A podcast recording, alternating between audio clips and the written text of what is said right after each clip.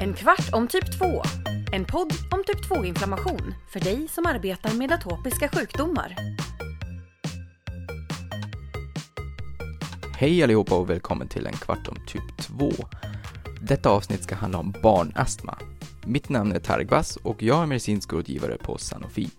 Idag befinner vi oss på Södersjukhus i Stockholm och vi hälsar på Erik Melén som är professor i pediatrik på Karolinska institutet här i Stockholm och han är barnallergolog på Södersjukhus. Välkommen Erik! Du är ju lite så att alla känner dig. Alltså det är lite så alla känner apan här. Men är det någonting som du um, vill introducera dig själv mer med? Jag har hållit på med forskning inom eh, barnallergi och barnastma nu i ganska många år eh, och eh, det är ju väldigt roligt att den forskning vi gör når ut till både läkare och andra inom vården men också till patienterna såklart. Vi hoppas att kunna förbättra situationen för de som har astma och allergi. Och i och med att du är projektledare i Bamse-projektet lär du ha lite översikt över hur astmavården har utvecklats för barn och ungdomar under tiden. Så min fråga kanske inledande är hur ser situationen ut och har sett ut för barnastma i Sverige? Jag vill tro att vi har en ganska bra situation för våra patienter med astma i Sverige idag. Under eh, förra seklet, det är ett tag sedan nu, eh, så såg man internationellt sett och även här i Sverige att astma ökade väldigt kraftigt från mitten av 1950-talet och framåt. Men sista 10-20 åren har förekomsten varit ganska stabil faktiskt. Så idag ser vi inte några stora ökningar eh, vad det gäller astma hos barn eller vuxna för den delen. Så det är en ganska stabil situation på förekomst, alltså prevalens. Och det är goda nyheter. Däremot ser vi fortsatta utmaningar att ta hand om de patienter som har en svår astma och på barnsidan framförallt de som har kombinationen av flera olika allergiska sjukdomar. Inte bara astma utan kanske också hösnuva, allergisk rinit, eksem och födoämnesallergi. Och visar barn samma typer av astma som ungdomar och vuxen i din värld? Ja, man kan tänka sig så här att vi brukar dela upp eh, populationen och då tänka att vi har de små barnen upp till kanske fem års ålder. Om vi börjar där så ser astma sjukdomen eh, lite annorlunda ut, då är det framförallt eh, de virusutlösta besvären. Alltså att, alltså att barnen kanske mår ganska bra allmänt, men så kommer de här återkommande infektionerna och eh, övre luftvägsinfektionerna som också kan då bli nedre luftvägsinfektioner, alltså en form av lunginflammation och sätter sig på luftrören. Och barnen har jobbat med hosta och slem, feber, det är trångt i luftrören och det kan pipa och väsa. För de här barnen så kan det vara ganska tufft att ha de här återkommande virusinfektionerna. Det gör vi vad vi kan och vi har en hel del läkemedel och en hel del bra vård att erbjuda. Men vi ska också säga att vi inte riktigt kommer åt mekanismerna där, för där är det ofta virus och andra mikrober som drar igång en inflammation i luftvägarna. Och, och den typen av inflammation och irritation svarar inte lika bra på de klassiska astmapreparaten som då innefattar steroider som man inhalerar och luftrörsvidgande medicin. Så där kan man säga, där har vi fortfarande lite grann att jobba på, verkligen för att hjälpa de här minsta barnen som får återkommande astmabesvär. Om man går upp i skolåldern och framåt så blir den allergiska astman mera vanlig. Och då eh, har, har kanske ett barn då astma och sen samtidigt allergi mot björkpollen eller gräs eller det kan vara pälsdjur. Och där har vi kanske, tycker jag idag, bättre möjlighet att behandla de, den typen av inflammation. För det vet vi ganska väl. Vilka cytokiner, interleukiner och vilka mekanismer drar igång den här eh, inflammationen i luftröret. Så där tycker jag att vi har en bra läkemedel, bra vård att erbjuda och vi har också diagnostiken på ett helt annat sätt jämfört med de små barnen. Små barn kan ju till exempel inte eh, genomföra lungfunktionsundersökning. Men kommer man upp i skolåldern, redan kanske från 5-6 års ålder, så kan man genomföra en spirometri och då kan vi få en bra uppfattning om hur, hur det står till i luftvägarna till exempel. Så det kan man väl säga så. Sen när vi kommer upp i tonåren, då den typen av astma liknar kanske mer den vuxna, vuxnes astma. Då har vi också den icke-allergiska astman som, som kan vara besvärlig för många. Och där någonstans i tonåren så svänger ju också eh, till att bli mera vanligt bland kvinnor, unga tjejer och kvinnor. Eh, I småbarnsåren och, och i förskoleåldern så är det vanligare med astma hos pojkar. Men där någonstans i tonåren svänger det och hos då äldre tonåringar och uppåt hos vuxna så kan den icke-allergiska astman också vara ett stort eh, problem. Och du nämnde det här med spirometri och småbarn, att det ställer till lite grann för undersökning och för, för rätt val av vård kanske. Finns det några särskilda utmaningar kring astmabehandling för barn som du ser i kliniken här?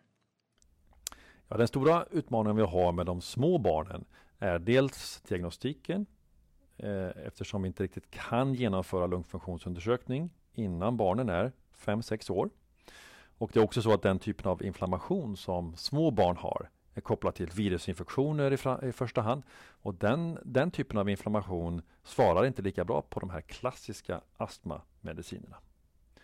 När vi kommer upp i skolåldern och uppåt så tycker jag vi, att vi har alldeles utmärkta redskap för att diagnostisera astma och kartlägga astman. Vilken typ av inflammation har just den här patienten?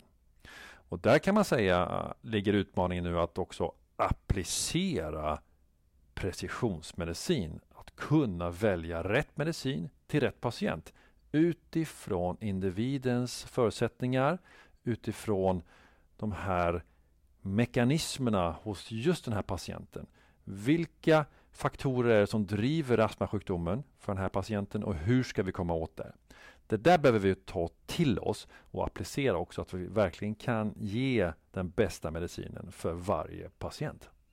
Det låter bra och när den här patienten har från en läkarperspektiv fått rätt läkemedel, då går den hem med sina föräldrar. Och vad händer därefter? Finns det utmaningar i hemmet för den? Vidarebehandling, egenvård? Hur ser det ut där? Ja, vi hoppas ju såklart att de råd vi ger och den plan vi kommer överens med att familjerna och eh, barnen har möjlighet att genomföra det. Men vi vet mycket väl också utmaningar i vardagen att eh, där är mycket annat som, som eh, drar uppmärksamhet och att det är svårt att vara jättenoggrann att följa en behandlingsplan. Eh, och där behöver vi jobba tillsammans med patienten hela tiden, återkommande också. Hur gör vi det på bästa sätt? Hur kan vi också hjälpa patienterna att inte överdriva allt arbete med sin astmasjukdom, utan det ska också vara på rätt nivå. Och när man mår bra och har bra astmakontroll, då ska man också kunna minska sin medicin och inte behöva genomföra alla typer av behandlingar som kan vara tufft. Men när man blir sämre och man blir mer sjuk i sin astma, då är det klart, då behöver man steppa upp och följa planen och kunna liksom eh, behandla mer aggressivt. Men det där är jätteviktigt att vi har en, en kanonbra dialog så att vi hittar rätt också, att vi inte överbehandlar men också att vi inte underbehandlar när det väl behövs alla resurser. Funkar det i verkligheten? Jag hoppas att det funkar i verkligheten. Det är ju ändå så att svår astma är relativt sett ovanligt bland barn idag. Eh, och peppar peppar så är dödsfall mycket, mycket ovanligt. Och eh, tittar man tillbaka 30-40 år så var det mycket mer vanligt att det var patienter med en svår, svår astma även bland barn. Men som tur var så har vi också med bra läkemedel men också med en modern astmasjukvård. Att vi också kan ta, ta hand om patienterna på bästa sätt och ha den här dialogen med familjerna och patienterna. Så som tur är den riktigt svåra astman tämligen ovanlig för, för barn och ungdomar. Den finns absolut och där behöver vi också naturligtvis sätta in alla resurser, inklusive biologiska läkemedel och optimera verkligen behandlingen. Men som tur var så är det ändå den riktigt, riktigt svåra relativt ovanlig. I Bamse-studien, då har ni ju sett en relativt stor kohort. Hur har astman utvecklat sig i den? Ja, vi har haft möjlighet att följa Bamse-deltagarna ända sedan starten 1994. Det innebär ju att de är nu 26-28 år någonstans, deltagarna. Och då har vi genom återkommande enkäter och även kliniska undersökningar fått väldigt bra uppskattningar om hur vanligt astma har varit genom åren. Alltså de första fyra, fem levnadsåren och sen skolåldern, tonåren och nu när de här deltagarna faktiskt är unga vuxna. Och det har varit ganska stabilt kan man säga. Det ligger ungefär på 10% förekomst över åren. Men det är självklart så att det är olika typer av astma. I början är det mera infektionsrelaterade problem. I skolåldern kommer allergierna in och i vuxenåldern så är det lite mer icke-allergisk astma som vi ser också. Det är fortfarande så att den allergiska astman, alltså att man har astma i kombination med någon typ av allergi, hösnuva, man kanske är allergisk mot björk, gräs eller pälsdjur. Det är den vanligaste formen av astma även i tonåren. Vilka patienter har då den största risken att ha kvar den här astman som de har upplevt under barn och ungdomsålder? I vår Bamse-studie så har vi haft möjlighet att följa den här stora gruppen av deltagare från födseln och nu upp till ung vuxen ålder. Och i vår studie och i många andra studier så har man sett att det är återkommande några faktorer som ökar risken för barnen att ha kvar sin astma även som vuxna. Och det är till exempel om man samtidigt har andra former av allergiska sjukdomar. Alltså att man har inte bara astma utan man har höstnuva, allergisk rinit alltså, eksem eller födoämnesallergi. Det är en tydlig riskfaktor att man ska ha kvar sin astma. Sen går vi in också i och studerar lite grann vilka biomarkörer eller vilken typ av astma som våra patienter har. Och då är det också så att har man ett högt antal av en viss inflammatorisk cell som kallas eosinofiler i blodet eller när man mäter i utandningsluften så är det också så att då har man ökad risk att faktiskt ha kvar sin astma senare. Så förekomst av höga nivåer av eosinofiler är också kopplat till att ha eh, en kronisk astma. Sen vet man också att om man har sänkt lungfunktion så, så ökar också risken att man ha, får en kronisk sjukdom i sina luftvägar. Fetma och övervikt är ju en utmaning inte bara för våra patienter med astma utan generellt i samhället. Det är ju en av de sjukdomar och tillstånd som har ökat mest under de sista 20-30 åren och, och, det är också så att det kop har kopplingar till astma och luftvägsproblematik. Så har man en övervikt som barn så har man också ökad risk att ha kvar en typ av astma eh, som vuxen. Den är lite annorlunda än kanske den allergiska astman men det är ändå så att man har en ökad risk att ha kvar det. Och sen kommer vi naturligtvis in på genetiska faktorer, arvet från våra föräldrar. Och, och här vet man ganska väl de viktigaste generna nu som kopplas då till, till astma, både hos barn och vuxna. Så vad är den nästa stora grejen? Nu att du nämnde biomarkörer och biomarkörstyrd behandling. Är det omics? Är det uh, genotyping? Är det, vad är det nästa stora genombrottet inom behandling för barnastma?